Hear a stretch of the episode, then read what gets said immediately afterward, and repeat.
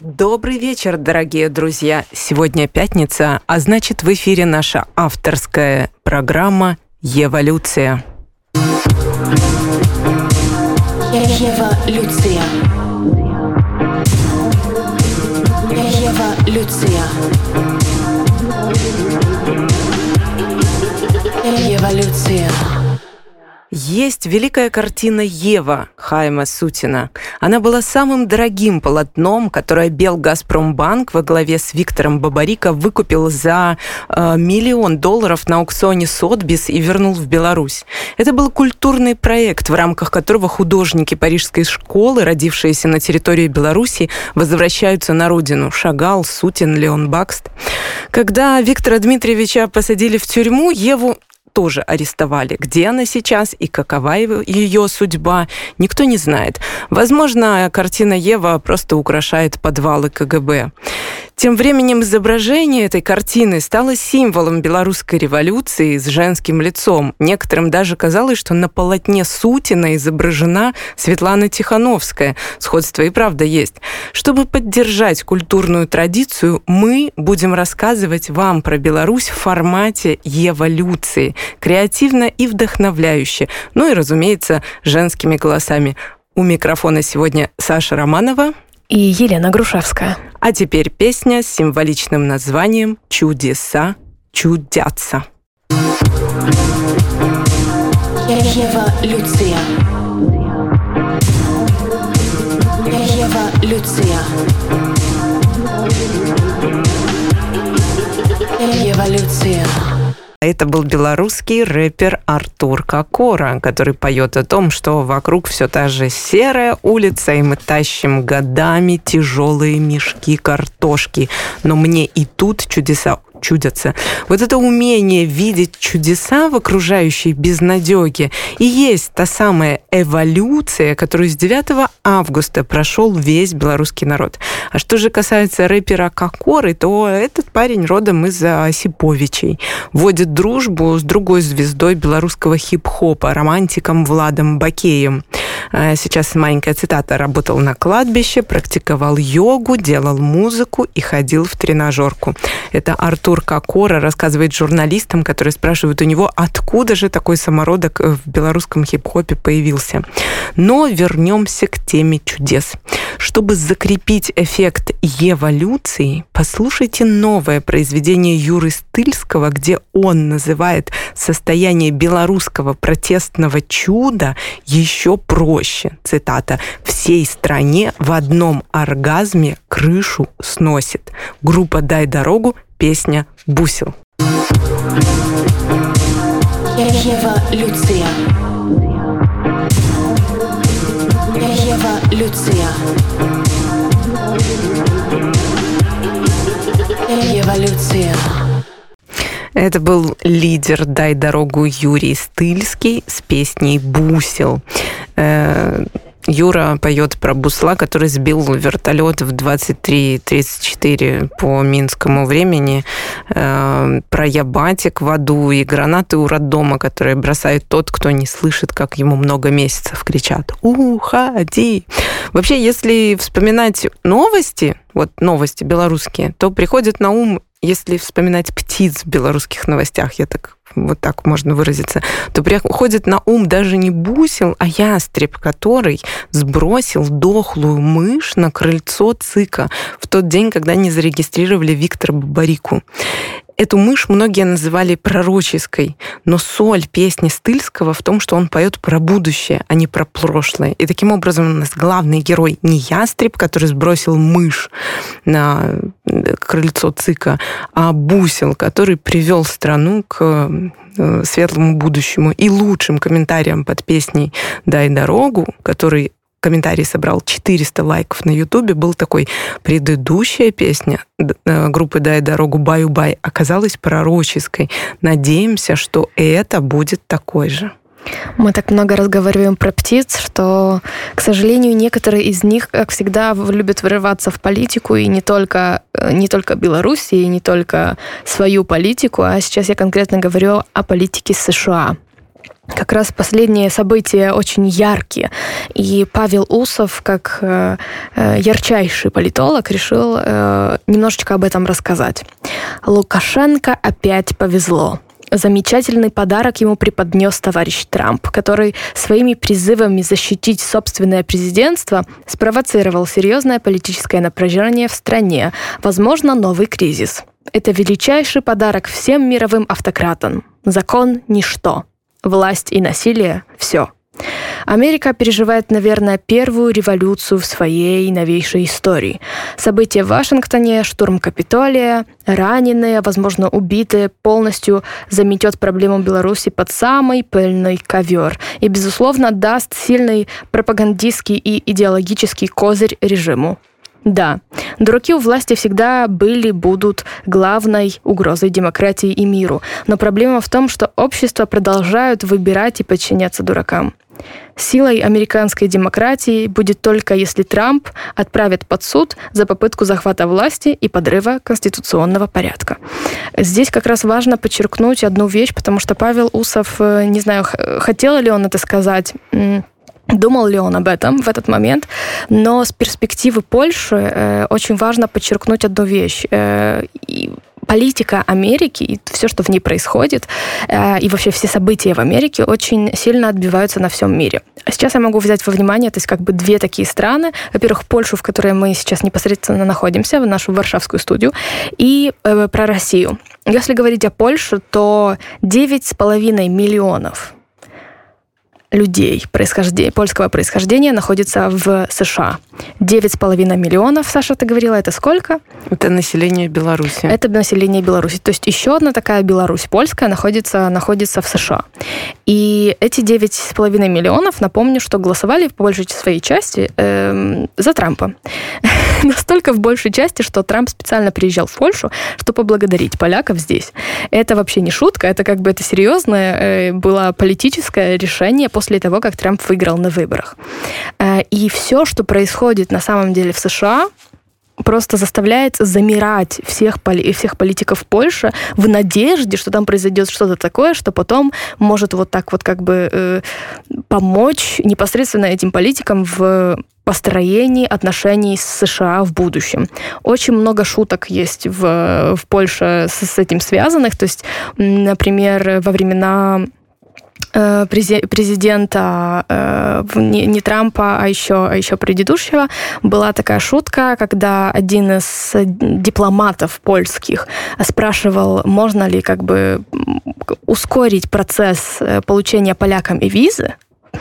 Тогдашний президент сказал, что да, виза, и вытащил кредитную карточку.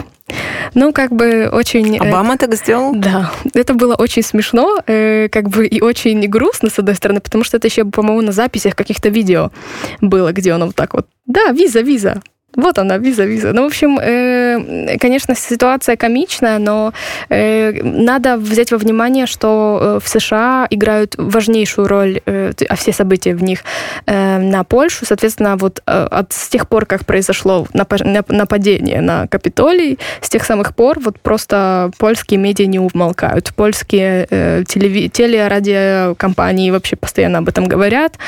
Все американисты в Польше активно действуют. Я я говорила с одним буквально сегодня, он сказал, что он не хочет э, дать комментарий, потому что уже звонило ему там человек 10 с разных радиостанций.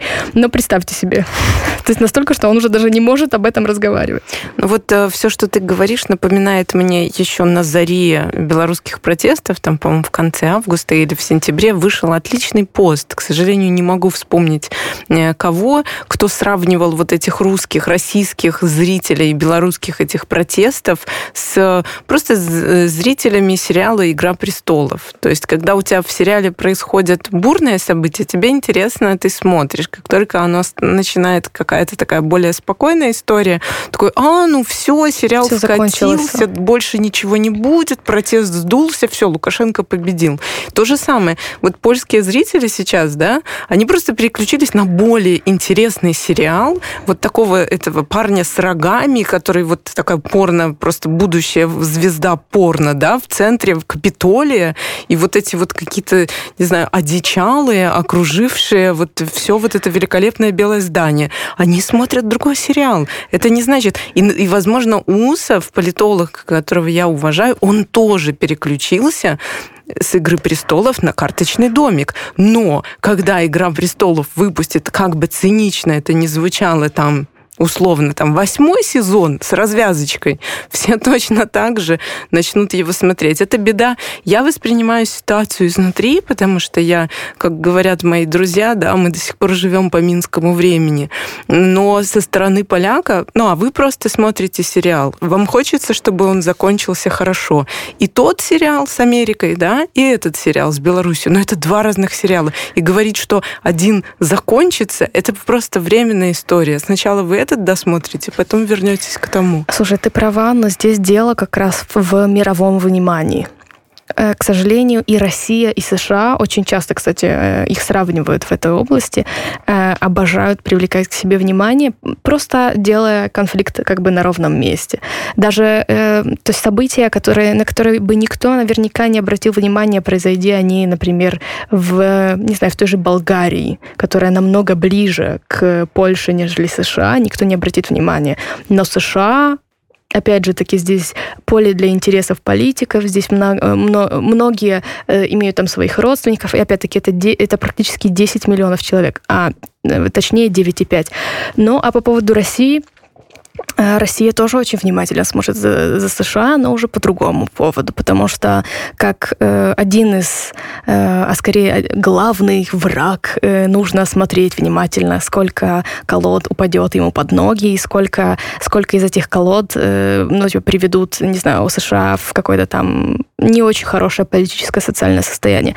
Проблема все в том, что это как раз стягивает внимание людей. А для тех, кто далеко, то есть, опять-таки, для тех, кто... Э, я здесь не имею, выговор... не, не имею в виду, что далеко э, географически, потому что все, что происходит за границей страны, мы здесь напоминаем, кстати, Украина, ну, то, типа, война все еще идет, то есть прошло уже сколько? Это 14-13 год, то есть уже прошло 6 лет, она все еще там. Кто о ней помнит? Никто. То есть на самом деле, э, если э, некоторые украинцы не помнят о том, что идет война, э, что можно говорить о людях, которые находятся в других странах, в России, например, в Беларуси, то же самое здесь. Проблема в том, что эти так называемые протесты, хотя это не протесты, это уже давно эм, война, и не, не, не могут таким образом утихать. Это самая ужасная смерть для революции, когда начинается ну, тут, тут, тут надо пальчиками показать, я махаю пальчиками, так называемая война в, в США, но там не начинается война. То есть сколько там человек на видео можно было увидеть? 10? Ну, э, я 50? бы хотела... Да, ну, во-первых, мы это событие, мы сейчас делаем вид, что произошло просто э, 9-11, да, 9 сентября. На самом деле это же совершенно... Ну, э, это просто кучка очень странных реднеков, захвативших Капитолий. Все, завтра их забудут там, да, и Тра- Трамп, раз, которому запретили доступ. Давай вот э, зачитаю лучше пост. Мне очень понравился сегодня э, эксперты исследовательского центра э, iSense эм, на эту тему высказались, и мне кажется, это достаточно такая емкая характеристика. Вот э, все, к чему приведет вот это событие в Америке, да, это к истерике Макея, это министр иностранных дел Беларуси в стиле «А в Америке черных обижают». Штурм Капитолия не станет счастливым избавлением для Лукашенко, от революционных да, историй по следующим причинам. Во-первых, в последние месяцы произошли события, коренным образом меняющие отношение к Беларуси от ситуативного к последовательному. Это и принятие акта о демократии в Беларуси в, Беларуси в США, и доклад московского механизма в рамках ОБСЕ. Во-вторых, режиму Лукашенко потребовалось 20 лет, чтобы купировать последствия убийств политических оппонентов в 1999 нулевых годах. Но сделать это до конца так и не удалось, потому что в 20-м появились свидетельства тысяч новых преступлений против белорусского народа, а публикация аудиозаписи, на которой руководитель КГБ обсуждает подготовку терактов на территории других государств, сделал Лукашенко, по сути, международным террористом. Разгрести эти последствия у него не хватит времени, и таких свидетельств будет еще больше. И каждый из них будет сужать пространство для маневра и сокращать агонию. И, наконец, в-третьих, тема Беларуси никогда не была и вряд ли когда-нибудь будет темой номер один в новостной повестке мира или США. Она и так ей не была. Но героизм участников протестов, тяжесть нарушений международного права, преступлений против человечности со стороны властей, системная и согласованная работа белорусской диаспоры, групп влияния, друзей и союзников свободной Беларуси привели к тому, что процесс увеличения давления на режим Лукашенко, его опоры и источники финансирования будет усиливаться. А сейчас перерыв на музыку «Длина волны», песня «Мечта». Ева Люция. Ева Люция. Эволюция.